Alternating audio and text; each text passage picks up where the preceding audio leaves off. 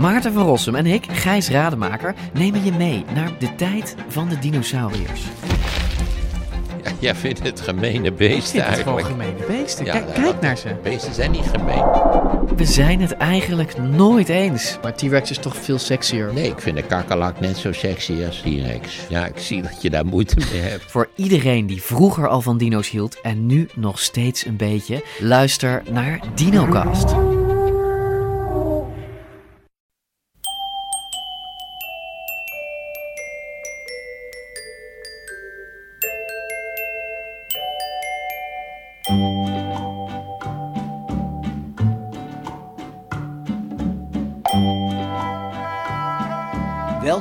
Aflevering 168 van de Echt Gebeurd podcast, waarin waargebeurde verhalen worden verteld door de mensen die ze zelf hebben meegemaakt. In deze aflevering het verhaal van Eva Rovers, verteld tijdens een Echt Gebeurd middag rond het thema geweld.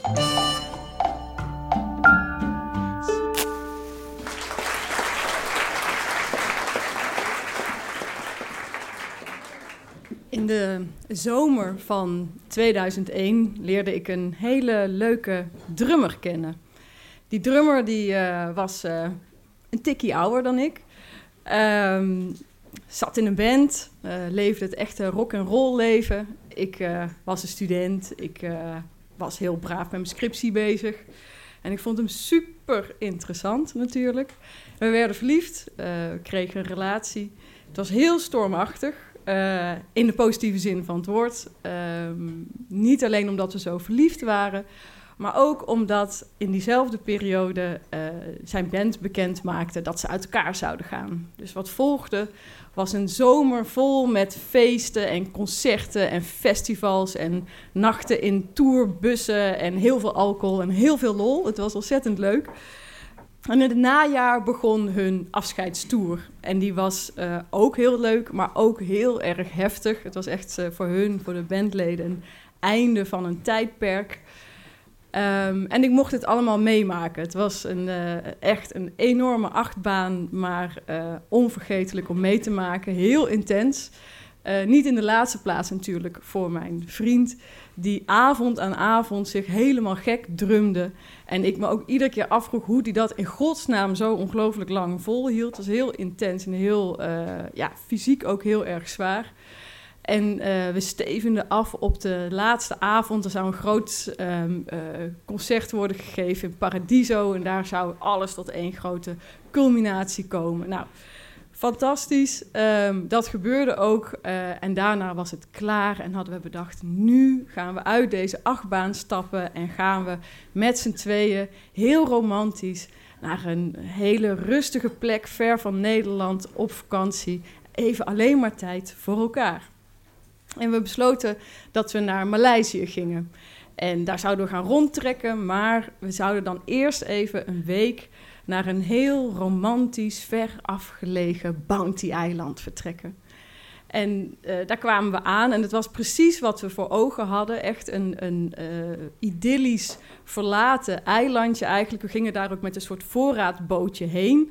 Die voorraad was ook zo'n beetje voor ons alleen, want het was regenseizoen, dus er waren nauwelijks andere eh, toeristen. En ja, we hadden daar echt het hele eiland zo'n beetje voor onszelf. En dat was heerlijk. Dus eh, van het regenseizoen hadden we overigens ook niet zo heel erg veel last, want het was eh, eigenlijk heel erg lekker weer, niet bloedheet, maar warm genoeg om eh, te zwemmen in de Zuid-Chinese zee. En dat is toch best een lekker begin van je dag, kan ik je vertellen. Ehm, dus op de dag nadat we aangekomen waren, liepen wij lekker naar de zee, legden onze handdoekjes op het strand en eh, liepen de zee in. Eh, een beetje kletsen, een beetje gek doen, een beetje zwemmen. Niet heel ererg ver. Ik denk dat we ongeveer tot onze knieën in het water stonden. En ehm, op een gegeven moment zei mijn vriend tegen mij: Wat zijn eh, onze handdoeken ver weg? En ik kijk achterom en het leek net alsof die, dat strand in één keer vier, vijf keer zo lang was geworden. En op dat moment merkte ik ook dat ik niet meer met mijn voeten bij de bodem kwam. En dat was bij hem ook het geval. Dus we probeerden in eerste instantie als een gek terug te zwemmen naar dat strand. Maar hoe harder ik probeerde terug te zwemmen, hoe meer ik eigenlijk naar achter werd getrokken. En ik uh, kwam geen meter vooruit, ik ging alleen maar heel hard achteruit. En ehm, mijn vriend kon wel enige vorm van beweging vooruit maken met veel moeite. Dat was dan een heel prettig bijverschijnsel van dat lange drummen al die uh, maanden. Dat hij enorm sterke armen had. Dus die kon een beetje door die branding heen komen waar we inmiddels in zaten.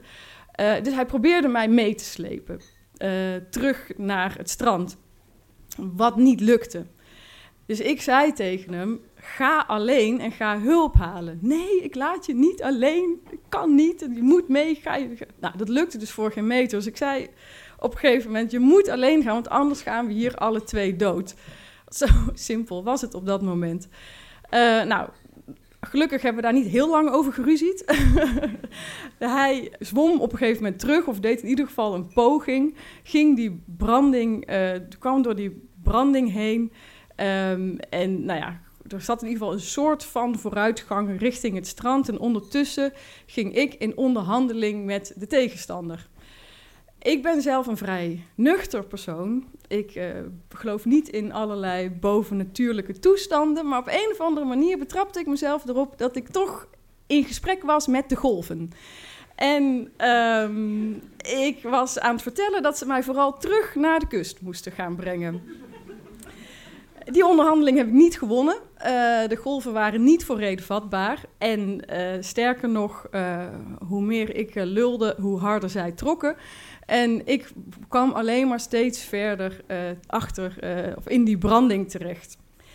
En dat niet alleen. Ik kwam niet alleen steeds verder achter die branding. Ik werd op een gegeven moment ook naar beneden getrokken heel hard onder water getrokken, als in een soort centrifuge door elkaar gemixt en gerommeld en geslagen en gedaan.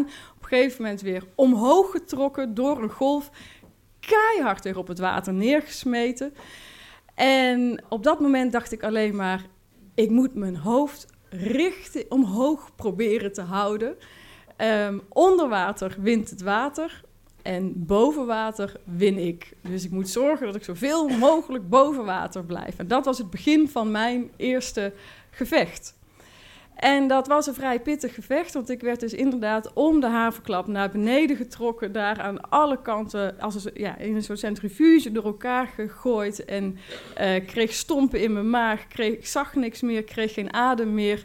En iedere keer werd ik dan weer met een enorme kracht omhoog geduwd. Kon ik even om me heen kijken, even ademhalen. En dan werd ik weer heel hard naar beneden gesmeten en begon de volgende ronde. Nou, ik weet niet hoe lang dat gevecht heeft geduurd. Ik weet ook niet hoe lang ik omhoog of hoe vaak ik omhoog ben getrokken en weer naar beneden ben gesmeten. Want het leek wel een beetje alsof de tijd wegviel. Er was geen tijd meer. Het was een, een, een, eh, hele wonderlijke ervaring waarin alles met elkaar samenvalt. Ik uh, was eigenlijk niet in gevecht met de zee, ik was het gevecht en ik was de zee. En er was helemaal geen onderscheid meer tussen mijn omgeving, tussen de tijd. Er was geen gisteren, er was geen straks, er was geen angst eigenlijk. Er was ook geen hoop en er was helemaal al geen paniek. Het was allemaal wel goed zo. Het was heel alsof het leven eigenlijk altijd zo had moeten zijn. Alsof die enorme natuurkracht mij liet samensmelten met alles wat er op dat moment was. Met de tijd, met de ruimte, met de lucht, met het water, met, de, met het geweld. En dat was een, uh, een heel wonderlijk gevoel. Alsof het hele leven samenbalde in één moment, in dat ene gevecht. Een soort ultiem hoogtepunt. En ik begrijp sindsdien ook waarom een orgasme la petite mort wordt genoemd. Het was gewelddadig en orgastisch tegelijkertijd. Het was een wonderlijke ervaring. En toen zag ik vanuit twee punten van de baai twee jongens op bodyboards vanuit de punten naar het midden toe peddelen. Ze keken om zich heen en besefte pas later dat ze op zoek waren naar mij en dat ze mij niet zagen. Het kwam ook niet in me op om te zwaaien. Ik was alleen maar bezig om mijn hoofd boven water te houden. Um, maar ze kwamen, ze vonden me, ze trokken me op die bodyboards en mijn bikini hing op half zeven, maar ik geloof dat interesseerde me allemaal helemaal niet. Uh, ze trokken me op zo'n board en binnen no time stond ik eigenlijk weer op het strand. En daar stond ook mijn vriend, lijkbleek. Toen hij het water uitgekomen was, uh, was hij natuurlijk hulp gaan halen. Maar hij had eerst achterom gekeken en hij had mij al niet meer gezien. Dus hij was heel snel uh, van het strand afgerend en was daar twee bewoners van het eiland tegengekomen. Die dus inderdaad met hun bodyboards klaar stonden. Want de golven waren zo lekker hoog, dus die wilden gaan surfen. En zij, terwijl zij op die boards klommen, stond hij maar naar die zee te kijken en dacht dat ik dood was. En hij was in gedachten helemaal aan het bedenken uh, dat hij, hoe hij onze hut leeg zou halen en al mijn spullen mee zou nemen. Dat hij mijn ouders zou bellen en zou beloven dat hij niet zonder mijn lichaam terug naar Nederland zou gaan. Dus hij heeft een kwartier in die zee staan staren. En nou, voor hem moet dat een oneindige hel zijn geweest. Hij was wanhopig uh, toen ik hem zag. Ik daarentegen was zo stoned als een garnaal. vond alles helemaal fantastisch. Ik vond het leven geweldig en de zee prachtig en iedereen heel erg lief. Later hoorde ik dat als je verdrinkt, dat je een enorme shot endorfine uh, vrij wordt gemaakt, waardoor je inderdaad rustig blijft, niet in paniek uh, raakt en je adem spaart. En later um, hebben mensen wel eens tegen mij gezegd: ja, dat was een hele spirituele ervaring. En, en wat heb je daarvan geleerd?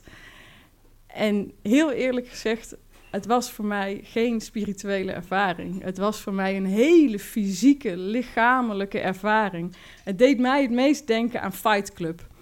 Dat je de, de kick van het gevecht en de roes van de overwinning voelt. En misschien eigenlijk dat nog wel een keer wilt in de dagen daarna, voel, ik zat helemaal onder de blauwe plekken en de schrammen. En ik duwde af en toe op mijn uh, blauwe plekken om die pijn nog een keer te voelen. Omdat ik daarmee ook een soort trots voelde en een soort overwinning. En misschien was het ook wel een vorm van nagenieten. Dus wat, voor mij was het een hele uh, fysieke ervaring. Maar dat neemt niet weg dat ik er ook wel degelijk iets van heb geleerd. Als je gaat zwemmen in de Zuid-Chinese zee. Neem altijd een drummer mee.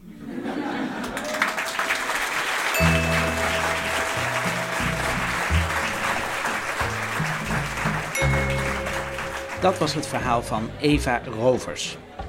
Eva Rovers schreef de bijzonder goede en intrigerende biografie van Boudewijn Buug, die ook heel goed verhalen kon vertellen, maar die er zo zijn eigen opvattingen op nahield over wat echt gebeurt precies betekent. Eva schreef ook een biografie over de kunstverzamelaar Helene Kruller-Muller, die ik nog niet las, maar waarvan Gijsbert, die deze podcast monteert, zegt dat het een ideaal vakantieboek is voor de kunstliefhebber. Tegenwoordig houdt Eva zich bezig met praktisch activisme. Haar laatste boek heet dan ook Praktivisme, een handboek voor heimelijke rebellen. Kortom, alle reden om even naar evarovers.nl te gaan om meer over haar te weten te komen.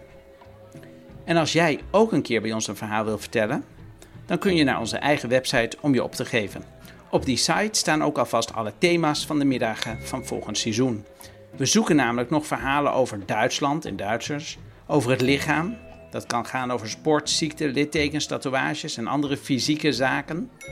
In november is het thema vechten of vluchten. In december is het thema alleen. En in januari zoeken we verhalen van en over tieners.